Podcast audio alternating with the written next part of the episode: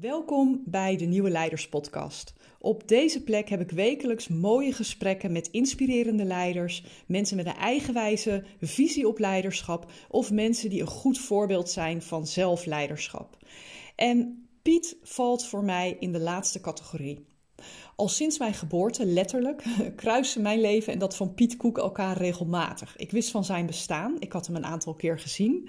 Ehm, hij groeide op ehm, naast het huis van mijn opa en oma, zat op school bij neven en nichten van me. En vanaf de brugklas zaten we bij elkaar in de klas. En de reden dat ik Piet graag wilde spreken voor de podcast is zijn bijzondere levensverhaal. Hij komt uit een hele bijzondere context waar hij zelf iets over zal vertellen. Maar wat heel sterk aan hem was, was die al, dat hij al in de brugklas precies wist wat hij wilde met zijn leven. Hij wilde namelijk pastoor worden. En daar twijfelden wij geen moment aan, want daar was hij zo helder in. Ehm, we waren er allemaal een beetje jaloers op. Niet dat ik zelf per se pastoor wilde worden, maar wel dat hij zo duidelijk wist hoe zijn leven ehm, eh, zich zou gaan uh, ontwikkelen. Maar het leven bleek andere plannen met hem te hebben. En een aantal jaar nadat wij allebei eindexamen hadden gedaan en elkaar uit het oog zijn verloren omdat hij theologie was gaan studeren en uh, in een priestersopleiding terecht was gekomen, troffen we elkaar in het voorbijgaan uh, in Amsterdam, bij Amsterdam Centraal. En hij vertelde me in een paar pennenstreken dat hij gestopt was met zijn opleiding, dat hij verliefd was geworden en dat zijn leven dus een andere wending nam.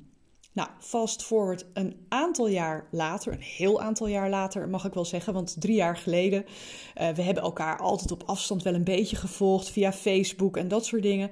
En opeens uh, loop ik over een camping waar ik op bezoek ben, puur toevallig, en ik hoor mijn naam en daar was Piet.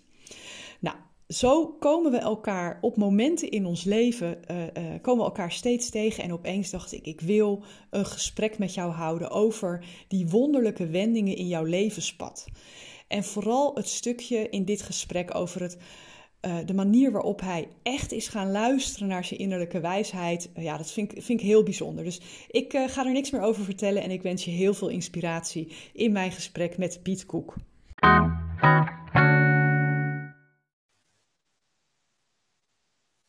Nou, Piet, ik vind het ontzettend leuk dat ik jou nu mag interviewen. Want op een of andere manier lopen onze levens, letterlijk al sinds mijn geboorte, een beetje parallel. Ook al kennen we elkaar heel lang niet. Heb, heb jij dat nou ook zo gehad? Dat je mijn naam wel kende? Of was dat alleen maar andersom? Nee, nee, ik kende jouw naam ook wel. En uh, het, het grappige is dat ik gevoelsmatig, dat ik, ik vind jou heel.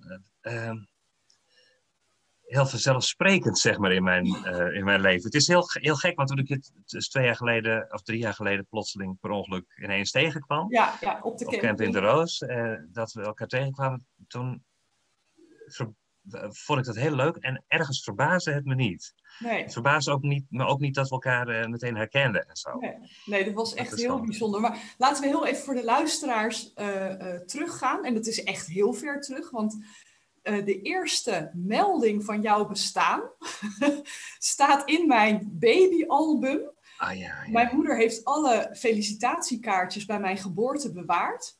Ja. En daar staat op een kaartje: Heb je gehoord dat Piet, jouw vader Piet, ook een kleine heeft gekregen? En toen bleek dus dat wij maar dagen na elkaar geboren zijn. Ja, ja, ja, want jij bent iets van 18 januari? 18 januari, ja. ja. ja. Dus dat is echt bizar. En um, nou, voor, de, voor de mensen die luisteren, jij bent de oude buurjongen van mijn opa en oma. Ja. En omdat ik uit een heel groot katholiek gezin kom, heb ik heel veel ooms en tantes. Waarvan mijn jongste oom eigenlijk niet eens zo heel veel ouder is dan dat wij zijn. Dus ik zie af en toe, zag ik op social media dat jij met hem ook nog wel contact had. Ja. En naast dat, je bij heel veel uh, neven en nichten van mij op school hebt gezeten en daar een beetje parallellen uh, ja. uh, te vinden waren, kwamen we op een gegeven moment bij elkaar in de klas, in de brugklas. Ja. Hoe, hoe, heb jij dat ervaren, die jaren? Die jaren, oh, in zijn algemeenheid, hoe ik die brugklas heb ervaren. Nou, Ja. ik vond het wel een overgang, want ik kwam uit het dorp, uit Lemuiden, en dan ga je naar een middelbare school in Alphen aan de Rijn. Grote Alphen aan de Rijn, ja. En dat was een enorm in mijn beleving. Alphen aan de, en en dat, ja, wat daarbij ook wel een rol speelt, mijn ouders die hadden eigenlijk altijd een heel klein leven. Hè. Die hebben altijd, in, bij wijze van spreken, in hetzelfde huisje gewoond. Zijn wel eens verhuisd, maar dat was maar een paar kilometer verderop. En uh, al hun sociale contacten en al hun leven en werk speelden zich af zeg maar, in dezelfde 10 vierkante kilometer. Ja. En, uh, en ze hadden ook geen auto bijvoorbeeld. Dus als kind uh, waren we.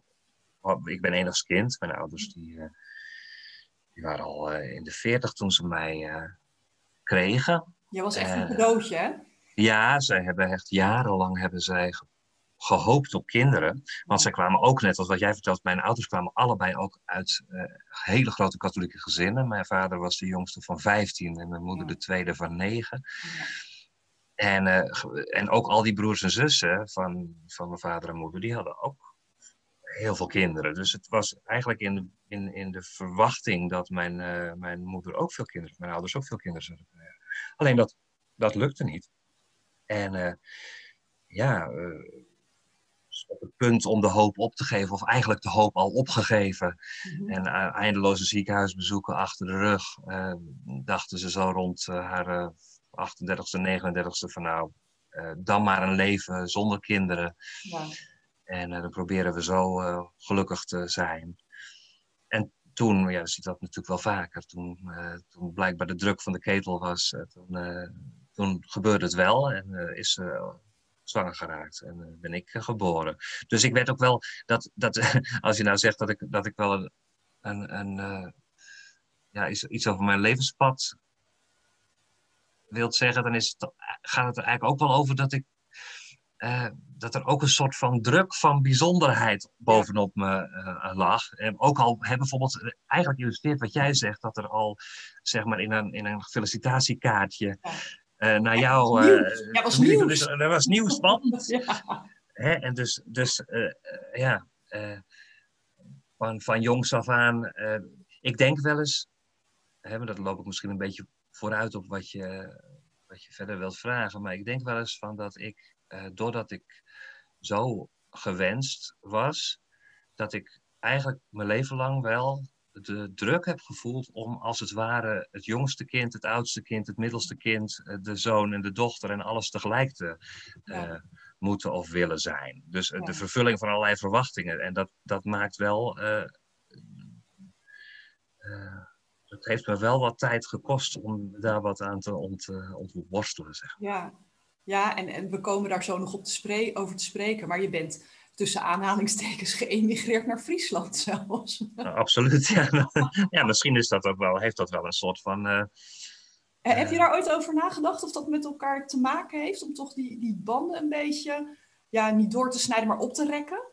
Jawel, ja. Ik denk wel dat ik dat uh, uh, toen niet zo bewust gedaan heb. En toen heeft het me ook wel veel moeite gekost. Mm -hmm. um, mijn, mijn, uh, mijn partner die komt uit Friesland. En uh, toen wij samen wilden gaan wonen, toen was het moeilijk om in het westen een woning te vinden. En Judith, mijn vrouw, die, die, vond hier, die, die, woonde hier op een flatje met vriendinnen. En die vriendinnen gingen reizen en trouwen. En toen kon ik er zo bij in. Dus dat ja. was hier allemaal in die woningnood. Ja, dat, lag ja. dat lag al klaar. Dus zo, en, en, en in de, het verlengde daarvan heb ik hier ook werk gevonden. Mhm. Maar um, later ben ik ook wel gaan inzien dat het me echt ook geholpen heeft om toch wat, wat, ja, wat navelstrengen door te knippen, zeg maar. Ja. Omdat, uh, nou ja, ik denk dat ik altijd heel erg gebonden ben geweest aan de familie, aan de geboortegrond. Ook aan de kerk. Hè? Dat was voor mij ook een belangrijke,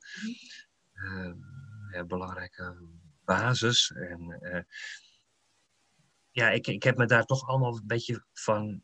Ik denk dat ik me wat, wat meer moeite heb gehad om mezelf daarvan los te weken dan, uh, dan veel anderen. Ja, ja, ja, dat denk ik ook. Ja. Maar ja, als we even teruggaan, hè, want in die zin heb je wel een, een, heel bijzonder levenspad. Want dat is ook de reden dat ik het leuk vind om je een keer voor de, voor de podcast uh, te spreken. Naast dat ik het sowieso leuk vind dat we weer, uh, weer in contact zijn. Ja. Maar um, wat jij al zei, jouw ouders hadden een heel klein leven. En uh, ik weet dat je, dat je ooit verteld hebt van het is eigenlijk een beetje in de jaren 50 blijven hangen aanvankelijk. En dat is ook het eerste wat ik me herinner toen wij elkaar voor het eerst zagen.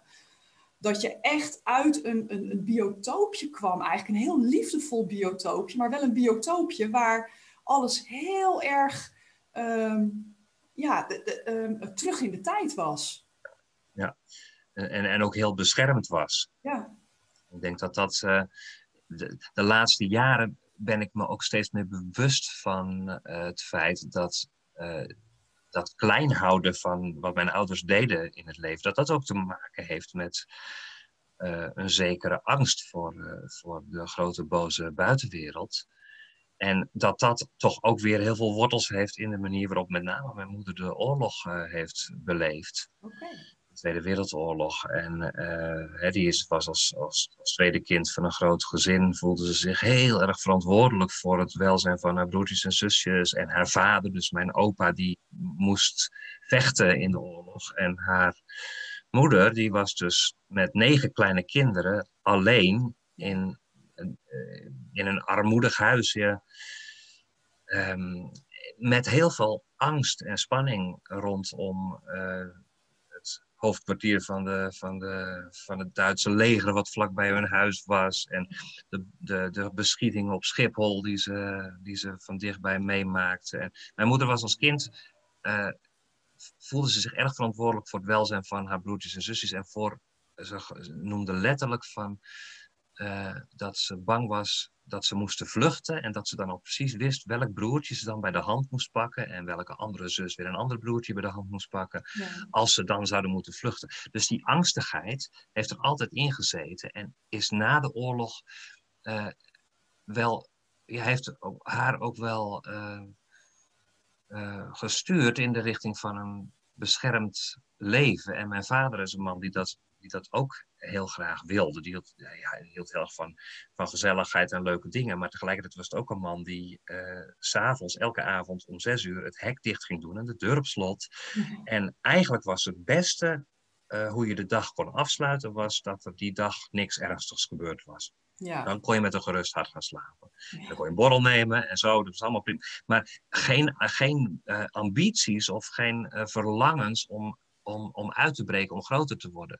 En als je daar als kind in opgroeit, um, dan, dan worden uh, de, de, de, grote dromen of verlangens al snel gesmoord in een soort van, uh, ja, van veiligheids. Uh... Ja. Kon je er wel bij? Wist je wat je, wat je graag wilde? Dacht nee. je erover na? Nee, ik, ik denk dat ik daar toen niet bewust bij kon. Alhoewel ik wel mij herinner dat ik uh, uh, wel heel erg genoot al bijvoorbeeld altijd van buiten zijn en alleen zijn. Ja. En ook heel erg jong al uh, van, dat ik veel van lezen hield en van, van muziek. En dat ik ook in de kerk, waar ik als kind orgel speelde, ik kom uit de Rooms-Katholieke traditie en dat ik daar orgel speelde en uh, zong en misdienaar werd. En dat ik daar ook wel iets voelde van, en, uh, van een soort verlangen naar een grotere uh, werkelijkheid. Nee. En alleen toen was religie voor mij vooral ook weer een soort uh, iemand noemde dat eerst een soort overhuivende veiligheid. Een soort ja. God of, of, of, of spiritualiteit is een soort, een soort grote, nou ja, eigenlijk een soort grote baarmoeder waar je ja, in ja, terug ja, kunt kruipen. Ja, warm, veilig, ja, maar ook en, begrensd. Ja, ja en, en, en later pas ben ik gaan zien en, en ook gaan herkennen bij anderen van dat uh, het verlangen naar het grotere ook een soort van verlangen naar uh, ontplooiing en verrijking en groei en het onverwachte en zo kan zijn. Ja. Uh, dat, dat ik... Maar dat is een fast forward, want toen wij elkaar ontmoetten op de middelbare school, hebben we echt bij elkaar op een gegeven moment in de klas gezeten. Toen kreeg je een soort splitsing, hè? Ja. Twee economie en twee Latijn. En wij kwamen met een groepje in twee Latijn terecht. En dat was eigenlijk achteraf gezien best een zonderling gezelschap. Maar het werkte wel. Het was wel leuk. Ja, zeker, zeker. Want we, en, een groot deel van die groep is later nog, en zijn we nog met elkaar met, op werkweek geweest. Ja, in Amsterdam. In Amsterdam. Het was ook al een beetje zonderling, want de meesten die gingen naar een actief uh, kamp met weet ik wat ze allemaal gingen doen. Maar die, en dat vond ik eigenlijk, eigenlijk vond ik die weken uh, spannende dingen doen, sporten en dat soort dingen vond ik veel te spannend. Dus ik koos voor iets wat een beetje veilig leek namelijk een culturele werkweek in Amsterdam. Ja. Maar eigenlijk was dat ook achteraf gezien ook wel weer heel passend. En we hadden twee docenten mee die ons uh, echt wel wat van Amsterdam lieten zien. Nou, en, zeg dat wel, want we hebben ook door de Rosse buurt gelopen. Ja. En we zijn van het concertgebouw tot de Rosse buurt hebben we allemaal gedaan. Uh, ja. ja. dus dat, en dus, maar inderdaad, dat was een leuk, dat was een leuk en bijzonder groepje wat, wat ik daar me nog van herinner. En eigenlijk is dat rijkdom hoor, want ik weet wel dat ik als, uh, uh, als kind heb, ben ik ook wel wat gepest. Hè. Ik heb rood haar en, en, en, uh, en kwam dus inderdaad ook soms op, met kleren aan op school die ook uit de jaren 50 uh, ja. konden stammen. Ja, een beetje wereldvreemd toch ook wel. Ja, zeker. En dan, ja. ja, en, dan, en ook ja, dan misschien ook wel wat intelligenter dan gemiddeld en geïnteresseerd in andere dingen. En dus dat, dat, die, die, die aansluiting was er niet altijd. En juist in die, uh, die, die Latijnklas en dat groepje waar ik, waar ik op de middelbare school in terecht kwam, um, was, dat, was dat niet zo uh, belangrijk meer. Sterker nog, dat was een voordeel, want uh, het was, maakte ook dat we in elkaar geïnteresseerd waren of zo. Ja, we, we waren allemaal wel een beetje. gesprekken. We hadden echt goede gesprekken voor een stelletje 14, 15, 16-jarigen. Ja. Ging dat al best diep. Ja, nee, zeker. En, ik, ja. ik, ik weet ook nog, ik was natuurlijk, want wat hè, dat weet de luisteraar nog niet. Ik was op een gegeven moment op mijn twaalfde tot de ontdekking gekomen dat ik wel priester zou willen worden. Ja, maar dat, dat, dat was je van overtuigd. Dat ging ook worden, ja. Ja, daarom. Dus daar was ik ook, dat had ik me ook heel erg in vastgebeten. Want ik, ook, ook dat, achteraf gezien, denk ik dat dat voor een deel heel erg een eh, echt uh, verlangen naar het, het, uh, de werkelijkheid achter de werkelijkheid was. Mm -hmm. Dus dat, dat, dat herken ik nog steeds bij mezelf. Uh, maar voor een deel was dat ook het wegkruipen in een veilige wereld waar, die mijn ouders zouden begrijpen. Ja. Hè, dus, dus niet zozeer vanuit, uh, uh, nou ja, eigenlijk wat ik net zei, niet, niet zozeer vanuit de gedachte van dat godsdienst is, iets is wat je juist doet wegtrekken uit het vertrouwde, mm -hmm. maar meer vanuit de gedachte dat ik het dan allemaal veilig en overzichtelijk zou houden, vooral voor mijn ouders, die ik de angst zou willen besparen. En ik kwam er laatst nog achter uh, ik zat laatst, ik, ik, schrijf wel veel van mezelf op over wat ik, uh, um, ja, waar ik, waar ik mee bezig ben en ook toen mee bezig was. Uh, en wat, me, wat ik me laatst realiseerde was dat op vrijdagmiddag het een groepje naar, naar, de, naar, ja, die gingen, die gingen naar de kroeg op, op, op vrijdagmiddag naar school. En wat deed ik? Ik ging op de fiets naar mijn opa en oma in, in, in, in, in, Langeraar, die in het bejaardenhuis zaten. Omdat opa en oma zo gesteld waren op hun kleinzoon. Ja. Maar ergens wilde ik, dat, en dat herinner ik me nog wel, ergens wilde ik eigenlijk ook wel heel graag mee naar die kroeg. Ja. Uh, maar dat, ik durfde dat niet. Ik, uh, en, en dat, dat niet durven, dat heb ik natuurlijk een beetje weggestopt en, een soort gesublimeerd in uh, van wat is, wat is het belangrijk dat ik naar opa en oma ga. En die ja. vonden dat ook heel fijn, dus ik denk dat ik daar ja. best een goede daad gedaan heb. Maar dat is, niet, dat is niet de ontwikkelingstaak die je als 14, 15, 16, uh, 17-jarige uh, op de voorgrond zou moeten hebben staan, nee. denk ik. Nee, want de, even, even hè, als, we, als we die tijdlijn uh, dan uitrekken. Wij hebben uiteindelijk, jij, jij wilde pastoor worden, je wilde theologie gaan studeren. Ja. Um, uh, je bent dat ook gaan doen. Zeker. En wij zijn elkaar toen even uit het oog verloren. Ja. Maar, ja. maar neem, neem me eens mee, hoe, hoe ging dat toen? Want waar ben je toen gaan wonen? Hoe ben je gaan studeren? Vertel eens. Nou, uh, na de middelbare school, na ons eindexamen, ben ik naar Voorburg gegaan. Dat was de priesteropleiding van het bisdom Rotterdam. Het bisdom mhm. Rotterdam is uh, geografisch zeg maar Zuid-Holland. Het, is, het loopt niet helemaal parallel. Maar, en uh, omdat ik daar woonde, zou ik ook voor dat bisdom, voor die bisschop, zou ik priester worden. En dan moet je theologie studeren en uh, intern wonen in een Vroeger heette dat het groot seminarium, maar dat, zo heette dat al niet meer in, in mijn tijd, in begin jaren negentig. Was het het convict of de priesteropleiding Vronestein in Voorburg. Ja. En uh, wij woonden daar met toen een stuk of veertien mannen, waarvan de meeste iets ouder waren dan ik, één of twee mensen van mijn leeftijd. En daar woonden we en daar volgden we een aantal specifieke lessen, maar leefden we ook met elkaar, eten, drinken, uh, uh, s ochtends bidden, de mis, spirituele oefeningen. Hè. Niet echt het studentenleven wat de meeste mensen kennen. Nee, nee, en wij studeerden dan wel, maar we gingen wel naar college in Utrecht. En dat was uh, aan okay, de... vroeg ik me nog af naar welke universiteit je dan ging. Ja. Utrecht. Nou, dat was de Katholieke Theologische Universiteit, maar die was gelieerd aan de Rijksuniversiteit. Daar zat ook de, de, de theologie van de Rijksuniversiteit. Dus daar, daar kwam je wel in, in, in aanraking met, uh, nou in ieder geval met mensen van andere, andere religierichtingen. Ja. Of andere denominaties, zoals ze dat noemen. Maar ook wel met psychologiestudenten en zo. Wat, wat voor mij ook wel een hele uh, wereld uh, uh, opende. Want ik achteraf, hè, ik heb 2,5 jaar op die priesteropleiding rondgelopen. En achteraf denk ik wel dat het voor mij vooral een deur naar de buitenwereld is geweest. Ja.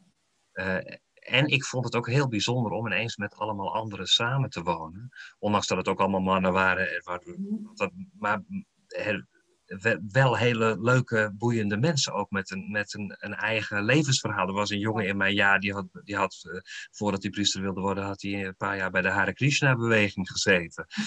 en er was een andere, een andere ja. medestudent, die was al ouder. Die, die, die, dat was de oudste, die was achter in de dertig toen. Dat vond ik toen oud. Ja. Maar die, was, uh, die had een pub gehad in Engeland. En die was buschauffeur geweest. En die had de mooiste verhalen te vertellen. Dus, dus het heeft ook wel... Het heeft ook wel uh, uh, veel geopend voor mij. Alleen ik merkte wel al gaandeweg uh, dat het het niet helemaal was. Want ik, ik, ik had gehoopt natuurlijk dat ik daarin bevestigd werd in mijn idee van ik word priester. En dan vervul ik een functie in de kerk en dan kan ik, kan ik dienstbaar zijn, maar ook ook wel de vervulling zijn van de wensen van mijn uh, ouders. en van het dorp waar ik uitkwam. En ik, misschien had ik het gevoel dat ik daar een soort belangrijk uh, was, of dat ik daarin mijn vervulling zou vinden. Maar ik, ja, ik kwam er toch steeds meer achter dat er ook meer was dan dat. En, waar, waar schuurde dat? Kan, kan je je momenten terug herinneren, zeg maar, waar, waar je dacht van, hé, hey, wacht even. Dat, dat hey, begonnen te wringen. Um, dan moet ik eens even kijken dat ik geen, geen obligaat antwoord geef, maar gewoon echt, echt nu voel van waar, waar zat hem dat nou te wringen.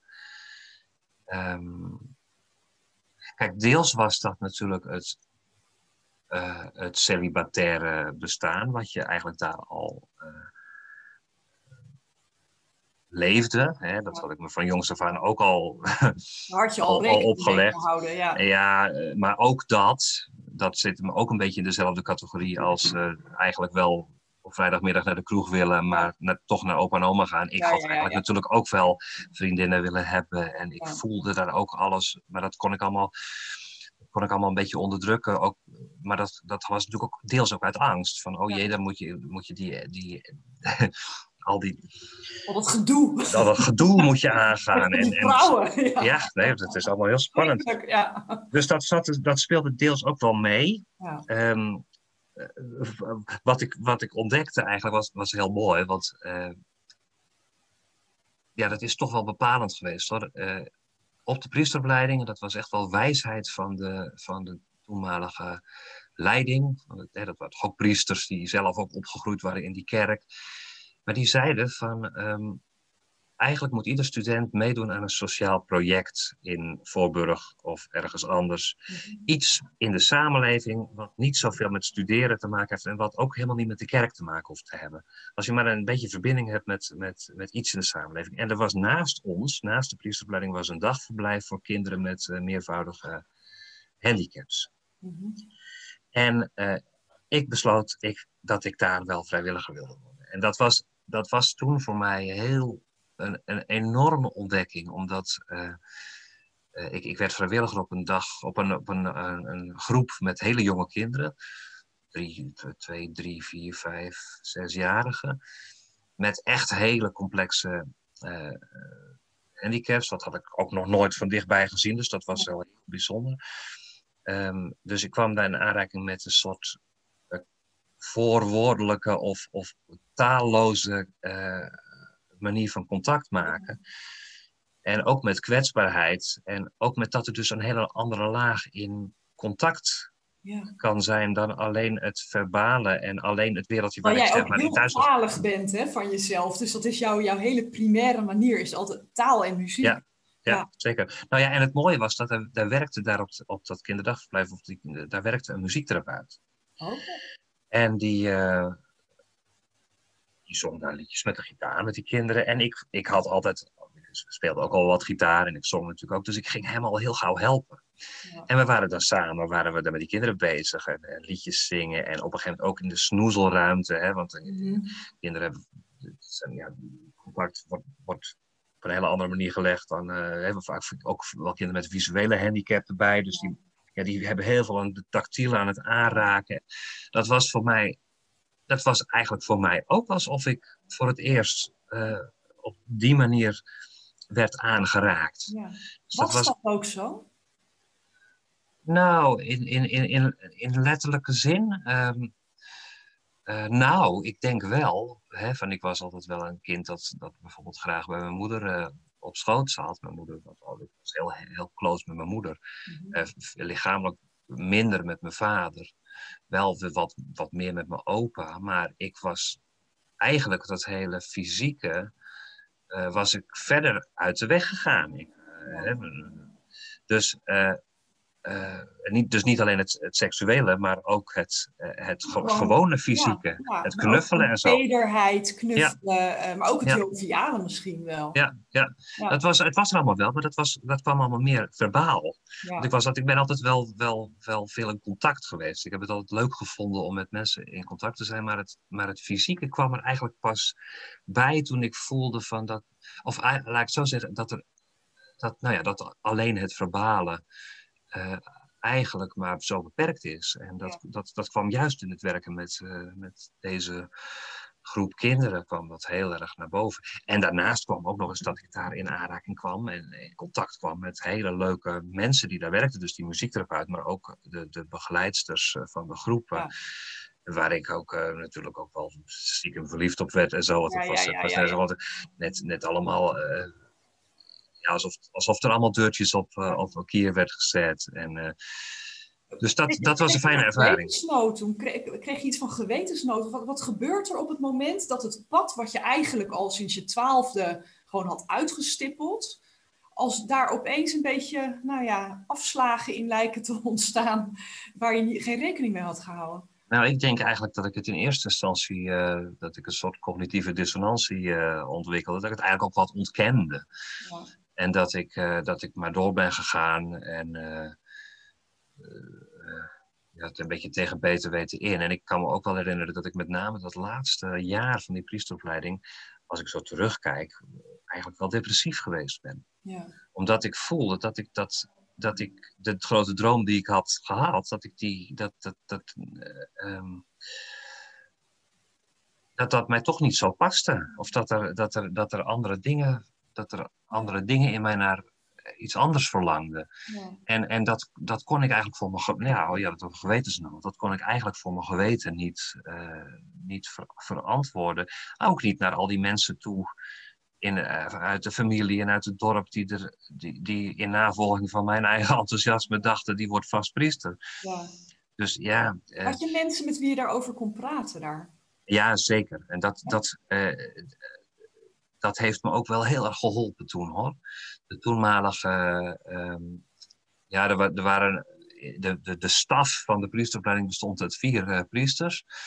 En uh, één daarvan, dat is Wim Heijster, die was destijds naast zijn functie op Vronestem, was die pastoor in, in Leiden. Petruskerk in Leiden. En dat was eigenlijk iemand nou, als ik terugkijk, dan denk ik dat hij degene is die mij voor het eerst gezien heb om wie ik ben. Mm-hmm. En niet om wie ik voor, of wat ik voor hem zou kunnen betekenen of zo. Ja. Dus die, die, hij, hij was dat zogenaamd spirituaal, dus geestelijk leidsman. Dus je kon dan met zo iemand gesprek gaan voeren over je nou ja, over de dingen waar je mee worstelt. Ja. En uh, ik ging dan naar hem toe. Op, ik kan me nog heel goed herinneren. Dat was volgens mij in het eerste jaar van de priesteropleiding. Dus toen was ik er nog maar een paar maanden. En uh, dat was in november.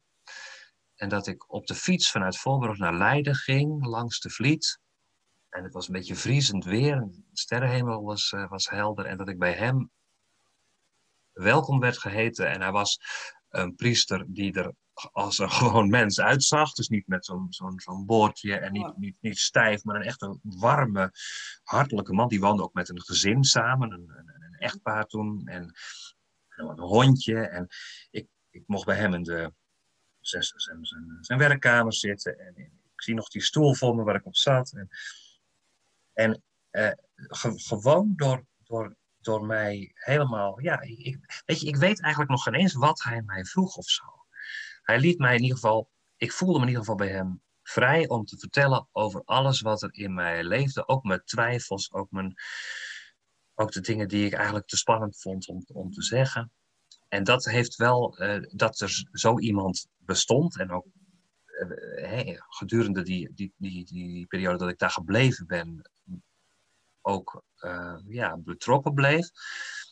Dat heeft me wel een soort vertrouwen gegeven uh, in dat ik, nou, dat ik ook het nest zou kunnen, dat ik ook zou kunnen uitvliegen op een bepaald ja. moment. Wat, wat gaf uiteindelijk de doorslag om weg te gaan? Uh, de doorslag, de, nou, de directe aanleiding was dat ik nou ja, eigenlijk twee dingen. Eén, het ene was dat ik op dat de studie eigenlijk vers, verslofte. Dus ik kreeg steeds meer uh, serieuze gesprekken met de studiecoördinator en zo. Van, voor jou, want jij was best een brave, brave leerling toen ja, dat we ook, op school zaten. Ja. Ook dat was natuurlijk heel ingewikkeld, want ik was ja. altijd heel plichtsgetrouw geweest. En, en, en op een of andere manier blokkeerde dat studeren. Terwijl ik, ik hoofd er wel voor. Ja. En ik, maar ik vond het ook heel dingen vond ik ook niet zo interessant meer toen. Nu komen er soms dingen naar boven over theologie dat ik, dat, ik dat toen zo, zo zwaar vond. Want nu vind ik het wel weer veel interessanter. Maar dat komt omdat er nu een beetje leven overheen gegaan is. Maar ja. toen was het allemaal voor mij een soort ervaringsvreemde werkelijkheid. Dus dat was één. Ja. Maar ik werd ook verliefd ja. op een meisje dat... Uh, uh, die, die, wij, wij, organiseren vanuit het bisdom ook zomerkampen mm -hmm. voor kinderen. En uh, daar, daar, waren dus ook de priesterstudenten ook bij betrokken, maar ook andere jongere mensen uit de, uit, gewoon uit, de parochies die daar meehielpen. Mm -hmm. En één daarvan, ja, daar kon ik het heel goed mee vinden. Had ik het ook in het eerste jaar, of en na, na één jaar op de priesteropleiding heb ik met haar ook dat zomerkamp gedraaid. En toen vond ik haar al heel leuk.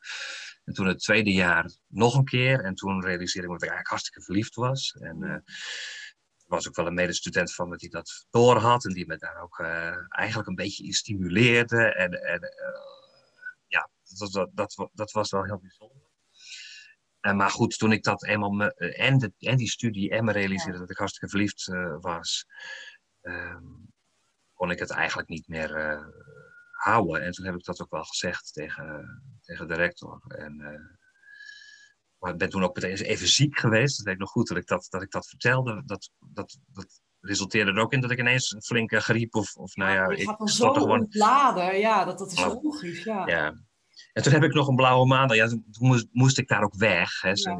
Uh, dat snap ik ook wel, want je hebt dan ook een soort negatieve invloed op, op, groepsproces en zo. Want ja, de, ja je, je wordt een verstorende factor in ja. het systeem waar je deel ja. van uitmaakt. Of eigenlijk geen deel meer van uitmaakt. Ja, wat, wat, ook, wat ik heel, ook heel jammer vond. Want ik heb ook hele goede vriendschappen opgedaan. En we waren ook creatief met z'n allen. En zingen bij de afwas en gekke, gekke gedichten maken. En toneelvoorstellingen. En dus ook een ontzettende rijke, leuke groep. En toen moest ik daar ineens weg. En toen, toen ben ik nog weer een blauwe maandag want ik kon nergens anders heen. Dus dat was in maart of zo. En ik besloot om maar wel door te gaan met theologie in Utrecht. Want ja. daar stond ik nog helemaal ingeschreven. En ik wist niet wat ik verder zou moeten. Ja. Dus toen ben ik nog een, een, een, maand of vier, vijf weer bij mijn ouders ingetrokken. Wow. Mm -hmm. Nou, dat was natuurlijk helemaal niks. Want ja, dat, dat, hè, niet, dat, dat, gaat niet.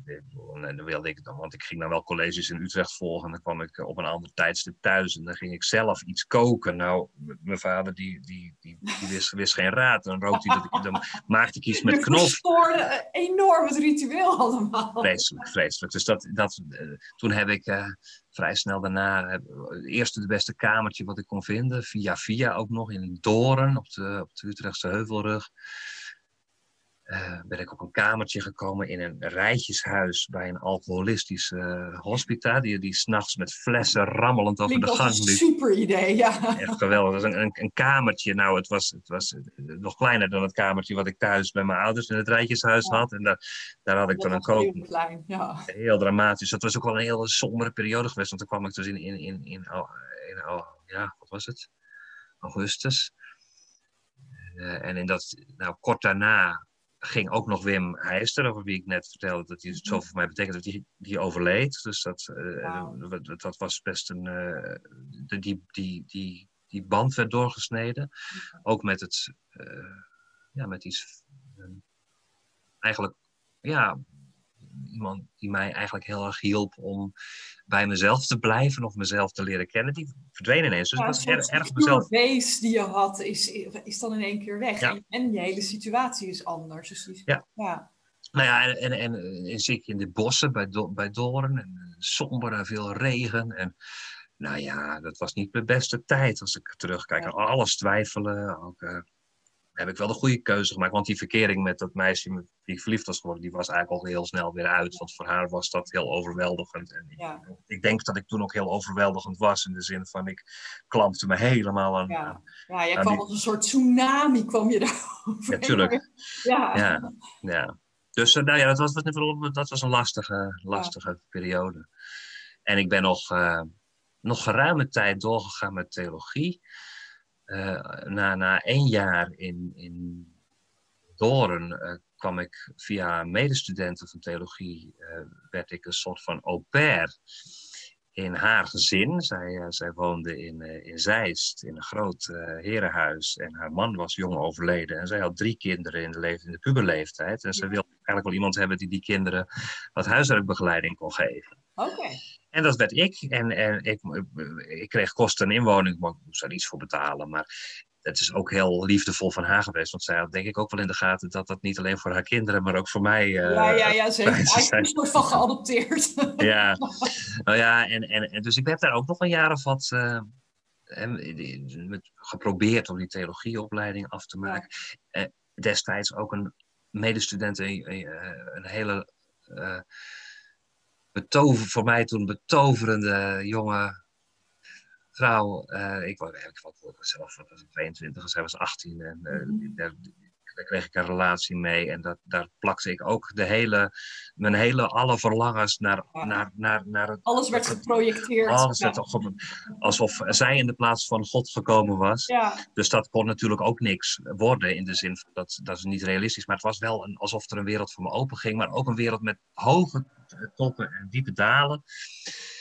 En pas toen ik de relatie met haar uh, kon loslaten, heb ik ook die theologieopleiding losgelaten en gedacht van als ik nog iets anders wil, mm -hmm.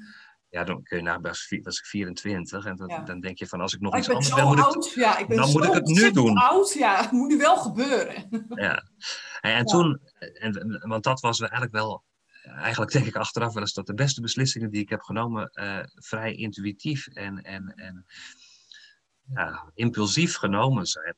Maar grappig want, hè, eigenlijk, want als, als je nu dit vertelt, dan lijkt um, uh, geloof als veilig baken staat zo haaks op hoe je nu in het leven staat. Want je bent nu zo, hè, ik, ik lees jouw stukjes, je, je vertelt verhalen, je, je maakt eigenlijk ja, bijna schilderijtjes, vind ik altijd als ik het lees je bent met muziek bezig. Dus het lijkt alsof je dat, dat spirituele, wat je misschien wel in het geloof zocht, en het geloof speelt nog steeds een grote rol voor je, weet ik, maar het komt uit andere dingen. Beleef je het nu, lijkt het? Het lijkt meer uit jezelf te komen. Ja, dat, dat, dat, dat, dat ik denk dat je daar wel gelijk in hebt. Ik, uh, dat is wel grappig, want ik, ik ging, dat je dat nu, dat je dat nu noemt, want ik, ik, ik was zeg maar in mijn. Uh, de tijdlijn in mijn eigen hoofd was ik aan de overgang van theologie naar uh, muziektherapie toe. Ja. Want ik, ik weet nog goed dat ik stopte met die theologie. Uh, al mijn studiefinanciering was al op en ik uh, had geen, geen idee wat ik moest. En toen dat ik ging naar een uitzendbureau of ik daar of ze werk voor me hadden. En die, ik weet nog goed dat die jongen zei, dat was, weet ik hoop dat ik het als grap bedoelde, maar ik vrees van niet. Die zei iets zoiets van, nou, weer iemand die voor de maatschappij verloren is. Dat er iemand die een studie na zes, na zes jaar afbreekt natuurlijk, ja. Au, au, au, ja. Kon ik in de plantsoenendienst terecht. En nou had dat misschien ook best goed voor me geweest. Maar ik heb toen, dat heel, heel grappig, want ik heb toen wel een, een, een aantal, via een ander uitzendbureau een tijdje als verpleeghulp gewerkt. Want ik had wat met in een kinderdagverblijf, wat, uh, wat uh, nou, had ik dat verteld, vertelde ik, had ik wat ervaring mee. Dus ik kon ook wel als verpleeghulp aan de slag. Dus moest ik ineens met een grote kar in een demente afdeling, een grote kar met washandjes en handdoeken, ga, kamer 1 tot, 1 tot en met 18 maar wassen. Ja, ja, ja, ja. Dus dan zie ik ineens allemaal stokoude, blote vrouwtjes. Die, dus dat is oh, heel verwarrende tijd, maar ook heel leerzaam. Maar, maar dat had je op het seminarie ook niet kunnen bedenken. Dat had ik nooit van mijn leven, nee.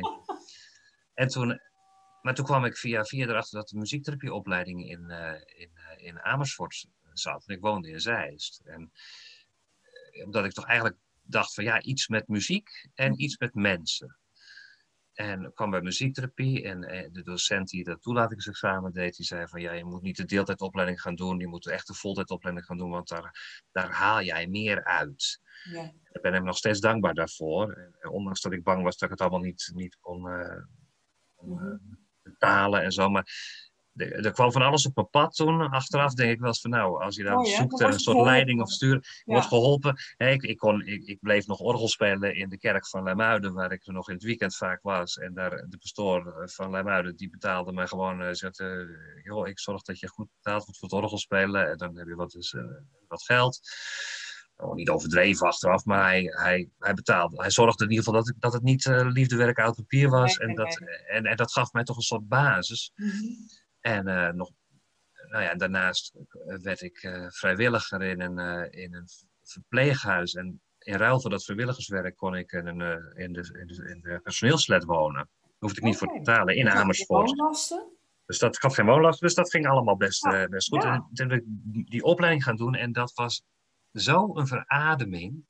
In de zin van dat, dat ik ergens zie ik het ook allemaal wel in, in een soort lijn hoor. Maar ja. dat in die, in die muziektherapie, hè, dat, dat, dat, dat uh, één van een groep zijn, dat wat ik in die priesteropleiding ergens ook wel had, dat, dat, dat, dat kwam hier weer terug. één in een groep zijn. En alleen allemaal mensen die heel creatief en open en, ja. en, en ja, ook uit allerlei hoeken en gaten, maar allemaal ook heel lief. Hè? Dat zijn ook heel die creatieve therapie mensen, beeldend uh, drama, muziek. Uh, ja.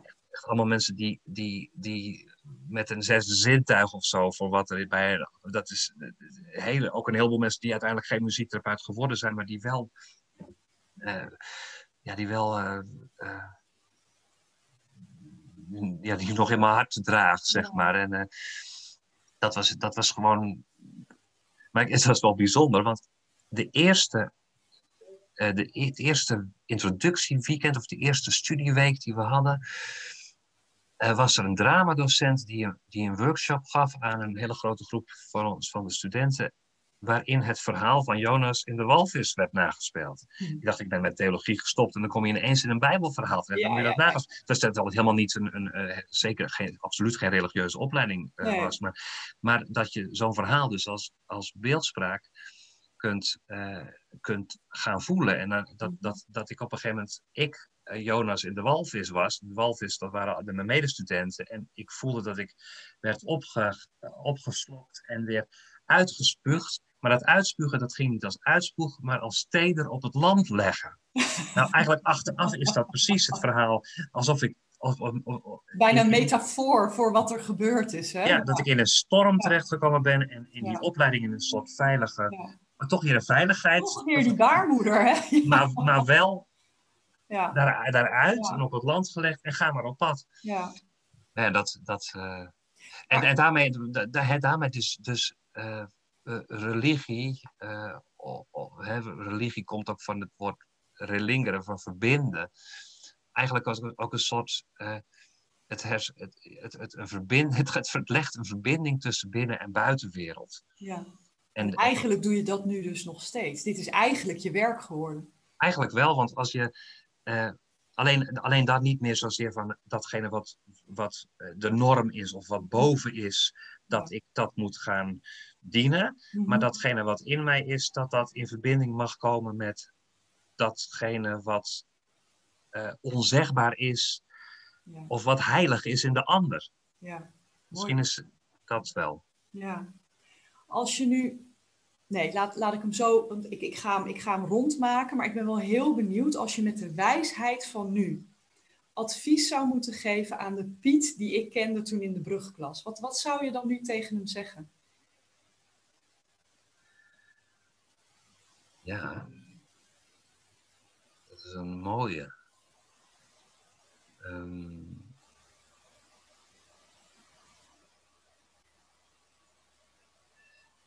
ik zou hem in elk geval toewensen dat hij. ehm, eh, ja, dat, dat, dat, maar dat klinkt een beetje cliché, maar zoiets. Ik zou in ieder geval iets zeggen van wees niet bang of laat de angst niet, het, eh, niet je leidraad zijn. Ehm, met, met andere woorden, vertrouw er meer op dat datgene wat in je borrelt en bruist, dat dat net zo van waarde is als het ideale waarnaar je streeft. Ja, mooi.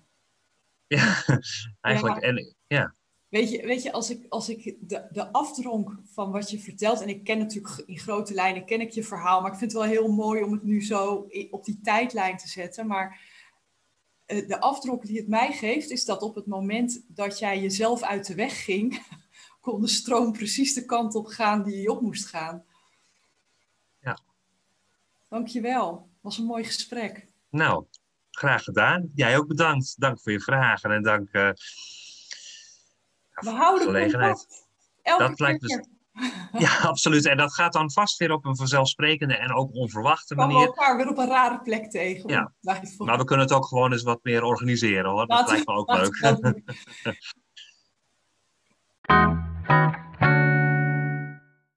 Ik hoop natuurlijk dat je deze aflevering net zo inspirerend vond als dat ik het gesprek heb gevonden. En eh, als dat zo is, laat me alsjeblieft iets weten. Reageer op mijn Instagram-account of via eh, mijn mail petra.deimplementatiedokter.nl. Vind ik altijd leuk om te horen. Als er iets is wat ik er zelf met name uit oppik, ehm, is het het bijzondere wat er gebeurt als je luistert naar die subtiele porretjes die we allemaal wel kennen van binnen. En we kunnen ons daar heel lang tegen verzetten, wat Piet ook heeft gedaan, zoals hij vertelde. Maar als je daarnaar gaat luisteren, dan ehm, eh, gebeuren er wonderlijke dingen en blijk je uiteindelijk veel meer uit te komen op de plek eh, die voor je bedoeld is. Dus ik hoop dat je die les daaruit meeneemt en ik eh, tref je natuurlijk heel graag weer op deze plek bij de volgende aflevering.